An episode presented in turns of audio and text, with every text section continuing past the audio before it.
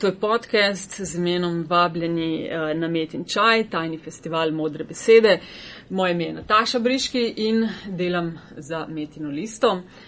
Podcast si predstavljamo kot oddajo, v kateri bi recimo na spoštljiv način klepetali o različnih eh, temah povezanih z našimi življenji, z družbo, v kateri uh, živimo. Poudarek bo seveda na idejah, ljudeh in projektih, ki jih vidimo kot tiste, ki so naravnani k uh, iskanju rešitev, ne pa domobrancev in partizanov. Uh, v Sloveniji je noro, noro veliko ljudi, ki delajo res odlične stvari, uh, ki imajo kaj povedati, uh, ampak mogoče, vsaj tako ugotavljamo na metini listi, premalo krat dobijo uh, za to priložnost, da se eni in isti obrazi ponavljajo v tistih najbolj gledanih, najbolj zvenečih, najbolj znanih oddajah. In to bo koncept podcasta, se pravi poiskati uh, ljudi, ki uh, imajo kaj zapovedati in z njimi klepetati o uh, vsem živem. In danes si bomo metin čaj privošli skupaj z Sonjo Robnik, doktor Sonja Robnik. Doktorico. Doktorico, pardon, ojoj. No, o tem bova klepetali o doktorjih in doktoricah. Uh, Sonja, ti se že, ne vem, dve desetletji približno ukvarjaš z uh, različnimi oblikami in vrstami nasilja, zelo dejavna si uh, na ženskih temah, če, če lahko tako rečem, uh, v zasebni fer, sferi. Eh, spolno nadlegovanje, eh, trpinčenje na delovnem mestu, mimo grede, fajn članek, ki si ga objavlja na metini listi. Hvala za priložnost. Eh, o tem. No in pravilo podcasta je, da pravil ne bo.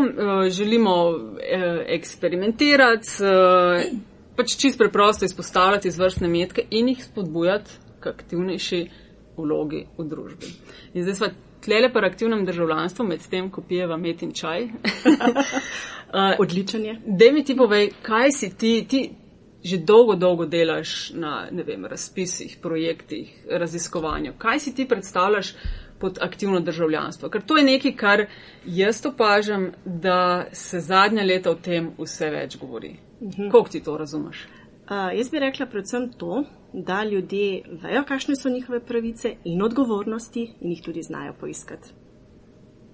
Mm, pa znamo, ja, vidiš, to je in jih znamo poiskati. Tle se meni. To je pa verjetno zelo kratek in drnat odgovor, da ne. Ampak zakaj misliš, kaj, kaj to misliš, um, tem, da ne? Mogoče, če potem je usporednico z nasiljem ponavadi so te teme nekaj, kar pač tam nekje vemo, da nekaj je, mogoče nekaj malega celo o tem poznamo, slišimo, ampak začnejo nas pa zanimati šele takrat, ko imamo mi sami problem. Skratka, jaz mislim, da pri dejavnem državljanstvu je enako ko bom jaz imela nek problem, ko bo kršena neka moja pravica, bom verjetno bolj zainteresirana, da politiko ali pa neko organizacijo prisilim, da začne razmišljati tako, da bojo neke moje pravice spoštovane, da bojo neke moje potrebe naslonjene in tako naprej. Ampak aktivno državljanstvo pa verjetno točno to, da začneš delati še preden na tem, recimo. Absolutno. Še preden se direktno tebe tiče. Ne vem, na, na, s koncepcijo ozaveščanja, Eh, opozarjanja na takšne stvari. Prepoznavanje stvari, novih tem, družba gre naprej, no, nove stvari se pojavljajo. Mm, le, zelo zanimivo mi je bilo tisto, kar si pisala o uh, nametki, o trpinčenju. Uh -huh. O tem smo medved veliko že klepetali, s tem se ti profesionalno ukvarjaš. Uh, a je to velik problem v Sloveniji? Ker jaz tudi od mobbinga recimo ogromno slišim že. Zelo velik problem. Žal neprepoznan, žal veliko krat pometen pod preprogo in kako povdarjam na vseh usposabljanjih, začne in konča se pri vodstvenih kadrih. Pa to ne pomeni samo to, da so pač ljudje, ki so na nekih vodstvenih ali pa vodilnih položajih mm. izvajalci trpinčenja oziroma izvajalke, ampak to pomeni tudi to, da ga tiho podpirajo, ker ne ukrepajo. Ampak kaj pa sploh lahko kakšne možnosti ima recimo nekdo, ki doživlja mobbing eh, na delovnem mestu? Dej, ok, dej povej najprej, kaj je mobbing. Mhm. Kaj je definicija no. mobbinga, ampak tako ne strokovno, doktorsko, ampak tako da. Slovenski plastično. izraz za mobbing je trpečenje. Mogoče ga ljudje poznajo tudi pod terminom bullying, ta se uporablja bolj v nekih anglosaksonskih državah in pa predvsem tudi za to ta isto obliko nasilja, eh, kar si otroci med sabo počnejo v šolah, vrtcih, na fakultetah in tako naprej. No, pa govorimo o trpinčanju, ker je mogoče malo lepša slovenska beseda kot mobbing. Kaj to je? To pomeni čisto enostavno, da se kar delo, svojat, v oklepaju kolektiv, spravi na eno sodelavko sodelavca. Pri tem imamo eno glavno izvajalko izvajalca in s časoma Namreč trpinčenje je proces, to niso enkratna dejanja, to se ne zgodi od danes na jutri, to se lahko dogaja pol leta, leto, dve leti ali več. Se skratka ta kolektiv začne priključevati storilcu. Razlogi, zakaj se pač kolektiv ne postavi na stran žrtve, so različne. Ne? Tak čisto mogoče najbolj pogost razlog je to, da ljudje ravnajo precej ignoransko, kar pomeni, dokler se nekdo ne loti mene, je to super, ne? Uh, in če se jaz oprstavim, se bo morda ta storilec, storilka lotil mene, ne? mogoče iz mhm. strahu, mogoče pa tudi zato, ker s časoma začnejo žrtev dojemati tako, kot storilec oziroma storilka hoče, da je problem v žrtvi. Ampak kaj imam jaz, recimo, če se meni te stvari dogajajo? Ja. Pa to, to ponavadi niso zelo očitne zadeve, ampak jih pa skozi mhm. mal čutiš, ker to ne gre za, ne vem, nasilje fizično? Um, zelo odvisno. Aha. Lahko praviloma, oziroma tako pač praksa kaže, je trpinčenje so bolj psihološke, bolj subtilne oblike nasilja, tako kot si že rekla. Ne? Lahko pa s časoma, ko se stopnjuje in ko žrtev postaja vedno bolj moteča za delovno okolje, pride do tudi nekih fizičnih oblik, recimo, ne vem, fizični, eh, fizični, eh, da ti nekdo fizično prepreči, da vstopiš v prostor, odrivanje, mhm. pahanje stran in tako naprej. Ne? Skratka, cilj vsega tega procesa je, da žrtev izgine iz delovnega okolja. Bodi si tako, da pač sama da odpoved, bodi si tako, da jo z nekimi, bom zelo na rekovaju rekla, zakonitimi oziroma nezakonitimi načini prisilijo, da pač odide. Ne? Ampak kakšne mehanizme imam jaz? Recimo, da si ja. ti moja šefica in vse to izvajaš nad mano, ker ne vem. Si želiš drugega pripeljati na to mesto, ali pa so ti nadrejeni rekli, da je treba skrčati stroške in na nek način se me moraš znebiti. Kaj lahko, te jaz naj snimam, kar delaš, čeprav ni nič, a veš, No, to snemanju bi verjetno pravnice in pravniki rekli, da je mogoče nezakonito. Ne? Tako da to verjetno odpade. Zdaj, zelo odvisno je, kakega šefa imam jaz nad sabo. A imam jaz nad sabo šefico šefa, ki te bo poslušal tvojo zgodbo? Se pravi, da bi jaz recimo tebe preskočila Absolutno. pa šla. Če okay. sem ti storilka, z mano se verjetno nimaš kaj dosti pogovarjati.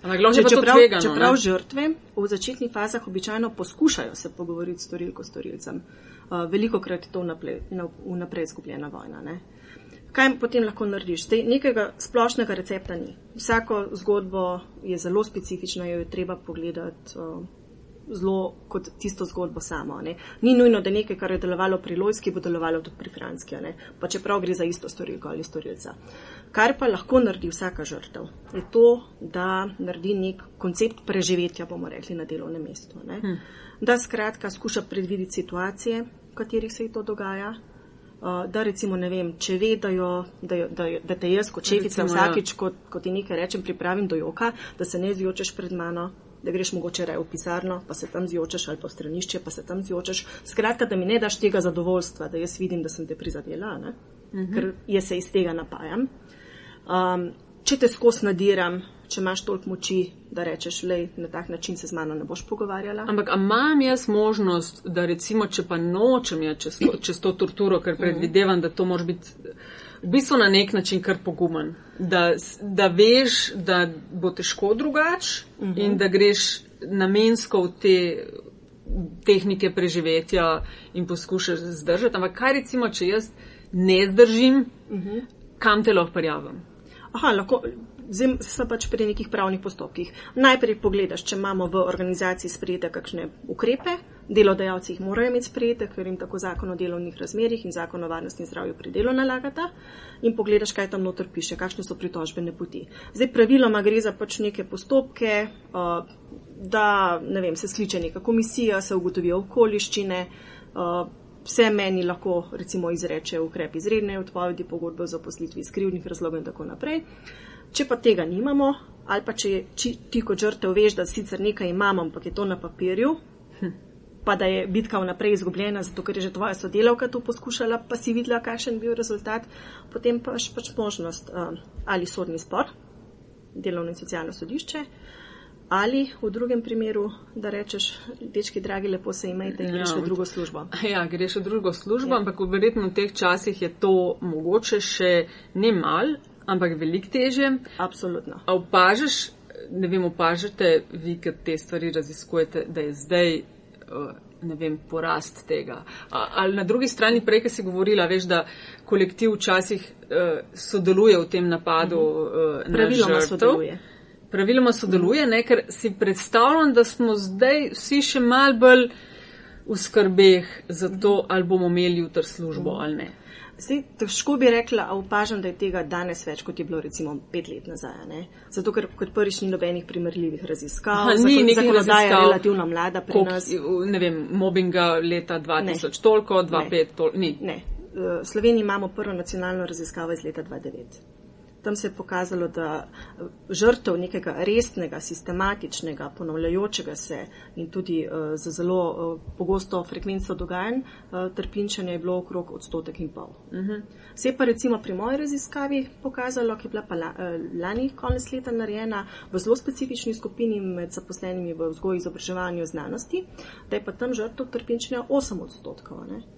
A pa je kle, kaj opažaš ženske, moški? Mislim, aj tle, sto, a to sploh prav razmišljam, da so kakšne razlike. Praviloma vse raziskave, ne samo slovenske, kar jih je narejenih, pač te, ko so na nekih manjših vzorcih in da nacionalna, ampak tudi tu je kaže na to, da je ženskih žrtev nekoliko več. Zdaj razlogov za to je lahko pa zelo veliko.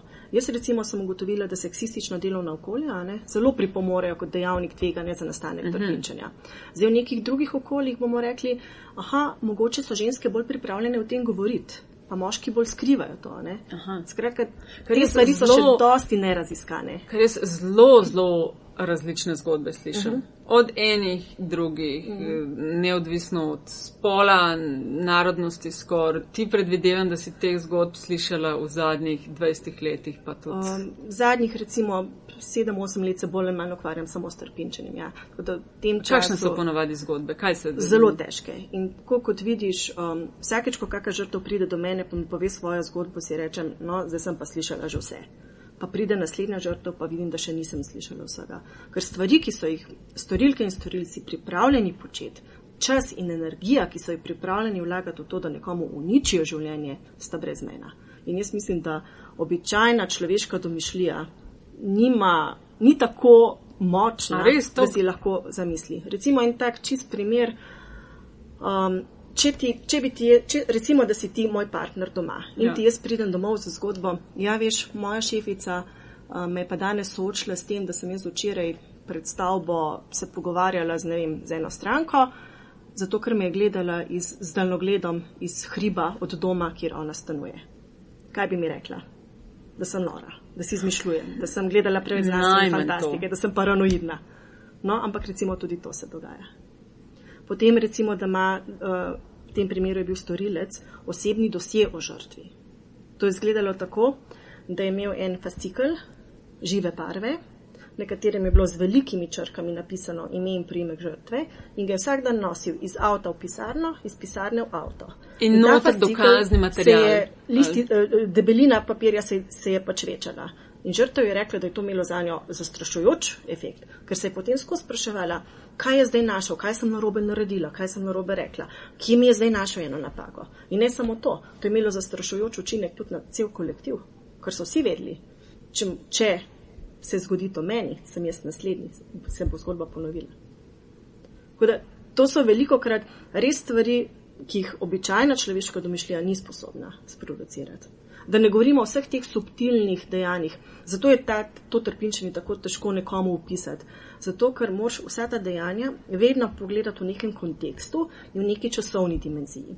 Ker če ti eno dejanje posamezno pogledaš, boš mogoče zamahnila z roko, pa boš rekla, ah, da sem preveč občutljiva. Ali pa boš, skratka, ga boš zminimalizirala. Ne? Recimo, ne vem, um, danes ste na kolegi niso povabili. Boš rekla, ups, se mogoče pa kdo ni vedel, da sem v pisarni. Ampak poglej, čez dva tedna so ti onemogočili dostop do elektronske pošte. Um, nihče več te ne pozdravlja. Na kavo te ne vabijo več. Ampak veš, da smo tega, po mojem, pa ni, ker ne bi imel teh izkušenj ali osebnih, ali pa da je videl, da se to nekomu dogaja. Res podlo, strašno. Uh, ja, lej, gre za res taka zelo pritlehna, uh, intrigarska ravnanja in vedenja. In naporna, ne? ker na koncu začneš, se mi zdi, da je to najhujš. A veš, tudi pr, recimo, a veš, kriza v Sloveniji pa res velik, brezposobnih, pa res težki časi. Ampak, a veš, dlje časa, kot recimo si tudi brez dela, ti vpliva na tvojo psiho, zgubljaš zaupanje v to, a znaš delati, a znaš, do, znaš mm -hmm. dobiti delo in, in si težko boljši, kot si bil, ker, ker imaš to neke psihološke ovire. Tako, kot imaš mogoče v tem, v tem primeru teh mobbingov. Ne? Če te non-stop od nekje odrivajo, se začneš verjetno v nekem trenutku spraševati. Ne? Ampak to ni ta ja, prava stvar. Ta, ta socialna izolacija, ne to, da pač, ne vem, s tabo ne govorijo več, da je dejansko prepovedano govoriti s tabo, pa to pravilo ni nikjer zapisano. Ampak ves kolektiv bo vedel, če se bojo postavili na tvojo stran, če bojo govorili s tabo, Ja, bojo oni naslednji, ja. In ljudje se začnejo obnašati samo ohranitveno. Ne? ne, da jih upravičujem, ampak to je pač dejstvo. Ne? In ta socialna izolacija, zato povejo žrtve, ki so šle čez to, da je dosti hujše, kot pa če se nekdo vsak dan dere na te. Ker če nekdo kriči na te, si živa, se lahko odzoveš, imaš možnost interakcije. Če te pa ni, te pa ni. S tabo ne govorijo, ne moš postaviti očesnega stika, vstopiš v prostor, nastane tišina. Ti, kaj rečeš, nihče ne odgovori, ljudje gledajo skozi tebe. To je pa psihološko verjetno ena najtežjih oblik, kar jih, kar jih pač obstaja. No, le, ki si omenila ta, uh, te samoohranitvene taktike uh -huh. in podobno, kar se dogaja. Ti se veliko uh, velik ukvarjaš tudi uh, v svoji karieri z raznimi zapi, uh, razpisi, se prijavljaš na njih, ocenjuješ jih, spremljaš, kaj se dogaja na, v Sloveniji, kaj se dogaja v Evropi. Um, ena stvar, ki smo jo zadnje čase veliko klepetali v različnih uh, družbah, tudi na družbenih omrežjih, je to, so razpisi, uh -huh. so subvencije in uh, recimo konkretno, kar praviš, koliko je treba naslavljati taka vprašanja, kot so mobbingi. In to obstaja tudi velik razpisov, uh, ali pa ne bom rekla velik, sigurno pa neki, ki mogoče naslavljajo ta vprašanja, pa ne sam ta. Ne. Eh, Ti se veliko ukvarjaš z žensko politiko mm -hmm. in s tem ženskimi pravicami. Ne.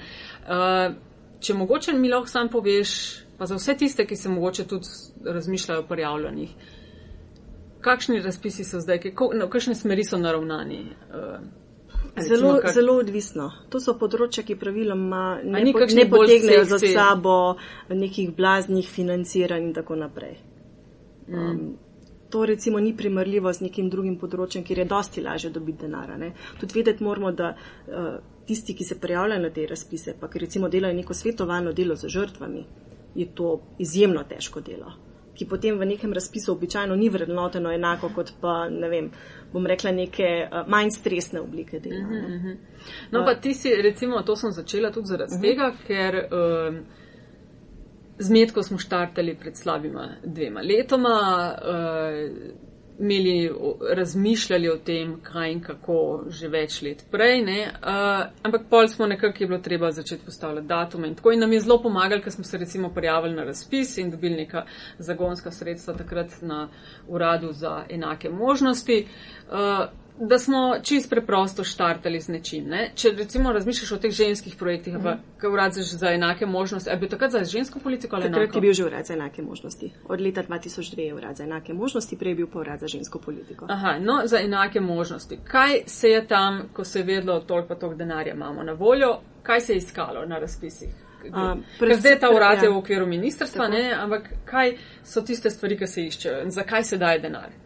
Tam je bil vedno uh, princip ta, da se iščejo neki inovativni pristopi. Recimo, če govoriva čisto konkretno o metini listi, a ne, takrat nas je zelo prepričala ta pozitiven pris- pristop. Poudarjanje nekih, ne vem, naprednih žensk. Skratka, cela ta ideja, ki je za metko. Ne. Meta kot simbol ženske, ki je sposobna razmišljati izven standardnih okvirjev in nekaj tudi narediti za to. Ampak take stvari so tiste, ki jih uh, iščete. Zato, Zelo nestereotipne, ja. Uh, kaj pa na ravni EU? Kakšne stvari se uh, podpirajo, kar se tiče žen, žen, ženskih vprašanj? To je pa zelo odvisno. EU daje načeloma kar precej denarja za DAFNE programe, to so projekti namenjeni uh, nasilju nad ženskami. To je ena dosti pomembnih tem. Drugače pa tako, da bi rekla, da je zdaj prav ena tema, ki je bolj ženska, mislim, da je ni. Mhm. Daje se zelo periodično kakšen denar še za usklejevanje družinskega in poklicnega življenja, skratka za dogajanje na trgu dela. Uh, aktualni razpisi, mislim, da so že zaključeni, grejo tudi na plačne razlike med ženskami in moškimi, na ženske na mestih odločene v gospodarstvu. Tukaj se pa mislim, da to, kar A, je vidiš, trenutno bilo odprto, le, že malo konča. Plačne razlike si omenila. Jaz vem, da je to res zelo uh, divja tema, vsaj kadar jo odpremo, recimo na Twitterju. Uh, vprašanje gender quotas. Ja, to je pa druga uh, ja. vroča tema. To je pa druga vroča tema. Uh, Vse, če te vprašam, zakaj ti si, tako vem, zakaj si ne.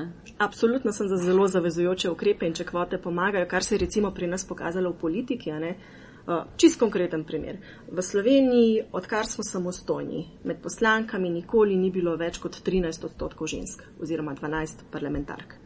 Potem smo pa dobili zakon, ki je v zakonju to, da pač na kandidatnih listah mora biti tolik in tolik, to, tolikšen in tolikšen del vsakega spola, se je pa delež čudežno povečal. Enako velja za lokalno raven, enako velja za volitve v Evropski parlament in sem prepričana, da bo popolnoma enako veljalo tudi za mesto odločeno v gospodarstvu. Kaj pa pol rečeš, recimo odgovoriš, ker ok, smo pa dobili, ne vem, večje število, ampak se ni point v kvantiteti. Pointi v kvaliteti. Seveda, in, in ravno tem je poanta kvota. Ne? Zato, da ti politične stranke ali pa delodajalce na drugi strani, se pač odvisno o čem govoriva, ne, prisiliš, da se potrudijo najti dobre ženske. In dejstvo, če govoriva pač o mestih odločanja v gospodarstvu, v upravah največjih družb in tako naprej, je, da imamo danes več žensk z fakultetno izobrazbo ali celo višjo kot pa moških. In dejansko zgublja naša Slovenija ali pa Evropa ali pa svet ogromno nekega potencijala, ki je študiral, ki ima znanje, pa nima priložnosti dobiti izkušenj. In kvote so ravno mehanizem, da ti delodajalce prisiliš, da tudi dolgoročno razmišljajo, da si vzgajajo kadre. Da ne bojo rekli, aha, zdaj za nek iz nižjega v srednji management, zdaj so pa primerni samo, ne vem, stereotipno uh, mlad moški, star 35 let, brez družine in tako naprej. Ampak da bojo videli, da so tudi med ženskami kandidatke in da znajo vizionarsko pogledati, aha, ta ženska bo čez 15 let predsednica uprave. Ampak ti vidiš to kot ne vem, problem ali pa bom rekla izziv, da še vedno se klepeta o ženske moški, ker se zdi, da je to, a veš, pr teh novih generacijah mal presežena tema. Ne? Da ta tema spola. Jaz vem, recimo, ko gledam pri mlajših raziskovalkah uh -huh. ali pa ljudeh, s katerimi se pogovarjam, je te dimenzije skoraj da ni več. Prste, bolj, ko sem prste, s starejšimi, je to poudarjanje spol, spol, spol. Ampak se An... mi zdi, da je bilo vedno tako. Ker če pogledaš tudi 10 ali pa 15 ali pa 20 let nazaj, kdo se je deklariral za feministko? To običajno niso bila 20 let stara dekleta. To so bile običajno ženske z že nekimi življenjskimi izkušnjami. Jaz sem prepričana, da če danes gremo v neko srednjo šolo, pa vprašamo tisto populacijo, a mislite, da smo v Sloveniji ženske in moški enaki oziroma da imamo enake možnosti, jih bo 99 odstotkov reklo, da ja. Zato, ker nimajo še izkušnje, kako je potem, ko stopiš na trg dela, pa si zavrnjena, zato ker te delodajalec gleda kot tisto, ki bo šla na porodniško, pa je eno ja. leto ne bo, ne? in tako naprej. Jaz mislim, da potem, da res, da je enako, kot je bilo 20 let nazaj. A res, da je, da ni tlele ja. z novo ne. generacijo, da bi znala ta generacija, ki bo odraščala, kar naenkrat tega veš, preseš to, recimo nekje so, so v Avstraliji, ali kje imamo že, spoh ni več ženski moški, imajo še srednji spol. Ne, ne, Nemčija je zdaj. A Nemčija, ni ja, Avstralija to bila. Ne, Nemčija. Ampak to je čisto zaradi nekih drugih uh, pravnih to, to je zdaj pa zelo tudi, eh, relativno aktualna tema v EU, ampak mm. to je za mm. neko drugo debato mogoče. Um, ne, jaz mislim, da bojo te generacije, ki zdaj menijo, da pač razlik med spoloma ni čez 20 let vedele, da so. Recimo na Norveškem so začeli s to integracijo načela enakosti spolov politike že v preko 80 letih. Pa še danes niso enaki. Se pravi, da imamo še ja. za prehod. In, in mogoče na nekaterih področjih smo bili v 70-ih letih celo bolj enaka družba. Recimo, ne vem, če bi ti zdaj le pokazala sliko dveh otrok iz 70-ih let, mm -hmm. recimo najna generacija, ko smo odraščali. Ja. En fantek, ena punčka. Mislim, da glede oblačil, frizure, ni bilo neke blazne razlike. Danes so pa vsi fantki v modra, modrem in punčke v zelo rozastem. Se ti zdi, da, da je mislim, takrat, da je punčka z dolgimi lasmi? Jaz se spomnim, mene je. Uh, uh, oče enkrat peljal v frizerju in to na čim krajše dal, da bo čim manj dela, ker je mami prišla iz službe, jo je skoraj kap. Mislim, da ni bilo tako zelo poudarjeno, kot je danes. Ker danes, če greš v trgovino z otroškimi oblačili, za, za ta male otroke, imaš roza in imaš modro. Kaj vmes skoraj da nimaš, sploh za dojenčke. Uh, ne vem, recimo na Norveškem so, so zdaj naredili en tak, um, bom rekla, zelo, uh, zelo so našli eno tržno nišo, škatle za jajca, za čisto običajna kokošja jajca. So zdaj modre za fantke z gusarjem in roza za punčke s princesko. Se heče. Škatle za jajca. Zdaj, lahko je to, lahko je to provokacija, ja, lahko je to zdaj provokacija proizvajalca, ne? Češ, o meni se govori, ljudje bojo moje jajca kupili. Aha. Lahko je pa to zelo prikrito, pač uporaba teh spolnih stereotipov. Dobro, sem zakaj bi spolni stereotip, mislim, zakaj bi, ko bi šla jaz jajca kupiti. Ja, ti ne, A ampak ja, če otrok, bo rozasti videl- škateljci, ga bom Ja. prej kupila, kot Z- če Zato, ker v, v vrtu danes otroci, pač čisto slučajno vem, ne, moj sin, čeprav nikoli ni bil vzgajan v to, da je modra barva za fante Ja. in roza barva za punčke, je pri petih oziroma že prej v vrtu pobral, da roza je pa punčka, puncovska barva. Puncovska. Ja, in on ne bo imel ničesar, kar je roza. ne. Čeprav je prej kot mlajši otrok čisto lepo nosil tudi roza stvari. ne. Wow. Tako da jaz, jaz zato ne verjamem, da smo sposobni čez 20 let recimo narediti ta premik, da spol ne bo več pomemben. Skratka, bo še potrebno pisati in se prijavljati na razpise in delati na teh temah. To pa sploh. Zdaj pa mi povej, kaj misliš, glede na to, da s tem se ti res veliko ukvarjaš. No? Um, Meni se zdi recimo super, ko nekdo pokaže neko inicijativo ali pa neki dela že, kar že mogoče ima kakšne rezultate, pa mu za preskok na višjo raven manjkajo neka določena sredstva, da se, da se mu pomaga. Neke vrste, ne vem, seed money, uh -huh. a veš. Um, se pa razmišljam pa, kakšne, a veš, da, da je projekte fajn naravnati tako, da mogoče znajo kdaj biti neodvisni od filantropije, od uh, subvencij, od, uh, ker to prenaša, vsaj meni se zdi, no, eno, kup eno odvisnost. Ja, veš, a, če si, ne vem. Saj mi na metki tako razmišljamo, da je treba, bo treba vsaj prihodne stvari zapeljati tako, da ne bi skozi, a, a bomo kje v narekovajih nafehtali kakšen denar ali ne. ne. Ja, jaz tukaj vidim rešitev edin v večjih sredstev strani države. Pa še tukaj je zelo vprašanje. ne. Pač vsaka država ima neko politiko, v katero smer želi, da ta politika gre. Ampak lahko nekaj zelo- izkušnje imate recimo s temi projekti, ki ste jih vi podpirali, da so šle v tisto smer, kot so bile zastavljene, a veš, ka vedno moraš pisati neke cilje, pa to želimo Tako. doseči, to, uh, da so šle tako ambiciozno naprej, kot so bile zastavljene. Um. Ali so vedno znova hodili, mi še rabimo pa ta denar, da naredimo to, pa ta denar, da. Praviloma se vedno eni in isti tudi prijavljajo. Ampak pri nas je pač pogoj ta, da je vsak projekt nov inovativen. ne. Tako da ni nujno, da, da prejšnja stvar ni uspela. Zdaj mi pravice v pogleda v to, kaj se potem dogajalo, nimamo. Ne? Ampak so pa ti naši projekti so ravno zato pilotski, ker so res namenjeni temu, da ti neko stvar testiraš. Recimo zaradi mene lahko testiraš tudi neko delavnico, če se bo prijela na trgu in jo potem tržiš ne? in si neodvisen. a Ne? Ali pa recimo tako kot metina listka. Ne? Met, Še- še listek je, ja. ja listek, ja. Metina lista, uh, pač dobiš neka zagonska sredstva, spostaviš nek portal, ampak uh, žal je tega denarja absolutno premalo, da bi ti preživel eno leto. Ne? Mislim, Ja. ja. da kakšen mesec se mogoče da kaj več, pa ne. ne? Ja, ja. Uh, ampak nekoč, ko bo to področje pomembno področje in bomo imeli veliko denarja, bomo lahko tudi mi Se mogoče. kakšna resnejša delili, sredstva. Ampak veš, eno stvar ste, recimo, me ve, a ti se imaš za feministko. Ja, absolutno. Zakaj biti feministka danes ima tak mal slab PR? Ne A, mal, zelo. Zelo slab PR. PR ima. Ja, jaz mislim, da predvsem zato, ker ljudje ne razumejo besede feminizem. a ne. In če me kdo vpraša, zakaj pa si ti feministka, jaz razložim to čisto uh, po domače in plastično. Zato, ker če mi bo nekdo rekel, Sonja, ti si neumna. Naj to pomeni, Sonja, nekaj si naredila narobe ali pa to si naredila neumno, tukaj si kiksnila. Ne pa, da bo to pomenilo, Sonja, ti si neumna, ker si ženska. In zato sem jaz feministka, ker želim, da ljudje razumejo, da če, se, če nekdo meni reče, da sem nekaj naredila narobe, da je to aplicirano na moje konkretno dejanje, ne pa na vas ženski spol. Vse ženske ste neumne, itak se ne spoznate na tehniko, če, če sem stereotipna in tako naprej. Ne, in pol prideva takoj do ene stvari, ki ste. Uh, ki nas fajn drilate, vse, ki se ukvarjate s tem, recimo, eh, na dnevni ravni bolj profesionalno, bolj sistematično, se pravi z vem, raznimi ženskimi vprašanji, enakostjo spolov mm. in podobnim. In grede ti imaš na Facebooku tudi, uh, vsaj kar se meni tiče, zanimivo uh, spletno stran enakost spolov. Ne? To je pač naša službena stran, ki jo mm -hmm. pač urejam. Ja, ja zelo, se mi zdi, da je zelo, zelo fajn. Hvala. uh, peljete, no, ampak eno stvar, kar pa ste zelo ustrajne, uh, vse, ki se s tem ukvarjate, je, da se vedno naslavlja, ne vem. Posamezniki in posameznice, člani Tako. in članice. To me, to je, uh, zelo dosledno rabimo obe spolni slovnični obliki. Zato, ker jaz recimo se ne čutim nagovorjeno, če mi nekdo reče uh, posameznik, ali pa ne vem, član ali pa gost. Ali pa moderator, ali pa Sonja Robnik. Ja, ali pa doktor Sonja Robnik.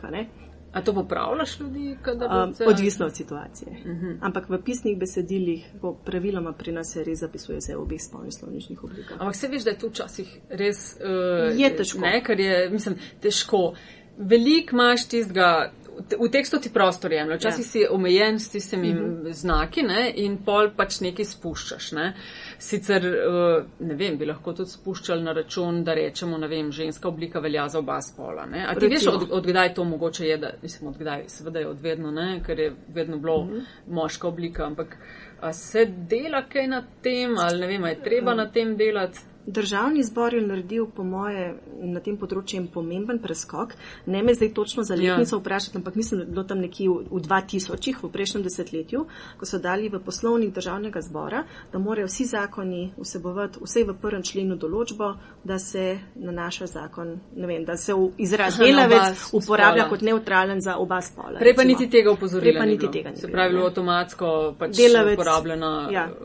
ena oblika, Tako. to je bila pač moška, zdaj se pravi, je ta. Dodatek. In, in, in zakaj recimo je to pomembno? Ne vem. Um, A je moškemu vseeno, moškemu direktorju, če mu bo na vizitki pisalo Janes Novak, direktorica, mu ne bo vseeno. Zato tudi meni ni vseeno, kaj mi piše recimo na vizitki in kako se me naslavlja. Uh mhm. -huh. A pa bo so vse kakšne spremembe tudi klele, da ne bo sam pisalo, da ena oblika velja za oblast spora, a se dela kaj? Ja, zdaj v vladni proceduri je zakon o enakosti žensk in moških. To je zakon, ki bo pač nadomestil ta stari zakon o enakih možnosti žensk in moških. Uh, mislim, da bo no, na novembrski seji že v parlamentu. Bil, bil je že v javni obravnavi čez poletje. Ja? In v tem zakonu se zavezuje mislim, da samo javne institucije, da bodo v bodoče na, na novih obrazcih, pač nek, da ne bo zdaj treba se za nazaj popravljati, ne, naslavljali oba spola. Ne. Aha, da bo to postalo moderno. Tako. Da se na oba spola. Kakšni so pa odzivi na to, mislim, tako, kakšne imaš tike izkušnje iz, iz okolja, v katerem in, in deluješ in mm. tako v prostem Zelo času. različni. Zdaj mislim, da ljudje, ki, ki se z mano pogovarjajo, zelo pazijo, kako govorijo. Aha, Ne, kaj recimo tisti, ki so ljudje, proti, kaj ja. rečejo? Niti nimajo nekega tehnega argumenta, ampak pravi, da pač v slovenščini je moški spol generični spol. Zdaj, jaz nisem slavistka, da bi to zagotovo ja. vedela, ampak sem pa sociologinja in vem, da se kot ženska ne počutim nagovorjeno, če mi nekdo reče, ne vem, um, uporabnik, recimo. Aha.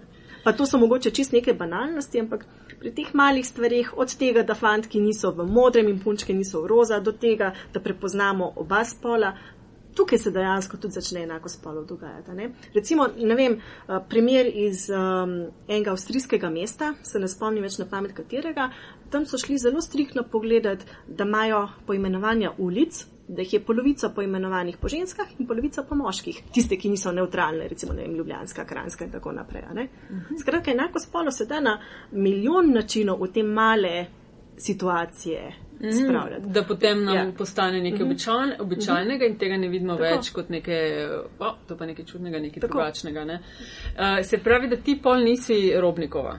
Absolutno ne. Sem Sonja Robnik. Ker uh, jaz recimo doskrat opažam, ne, premijejka Bratuškova, ne vem, informacijski poblaščenec Nataša Percmusar, mm -hmm. No, mene, ker, eh, ker, eh, kako se temu reče, feministično srce zaboli, ko slišim kaj takega. Uh, ampak mislim, da tukaj bo pač treba veliko ozaveščanja, veliko popravljanja. Ja, pa to, je, to so celo ugotavljali, da slovnično, ne, ta Bratuškova. Uh... Ja, moja lektorica recimo pravi, da pač v slovenščini se ženski uh, primki ne sklanjajo, kar pomeni, da ne more biti Bratuškova, je Bratušek pravi, delajo vsi. Jaz bi rekel, ja, nisem slaviska, tako obe- da naj mi odpustijo Ampak slaviske in gotovo se najde uh, kakšna interpretacija, da se da obe opcije. mogoče. Verjetno se zagotovo najde. To je približno tako, kot smo prej debatirali. Uh, daš eno pravno vprašanje desetim pravnicam in pravnikom in dobiš enajst odgovorov. Ne? In verjetno je približno tako tudi tukaj. Ej, Sonja, najlepša ti hvala no, za ta klepet. Uh, hvala, ker si bila gostja. Čaj je bil dober. okay, hvala.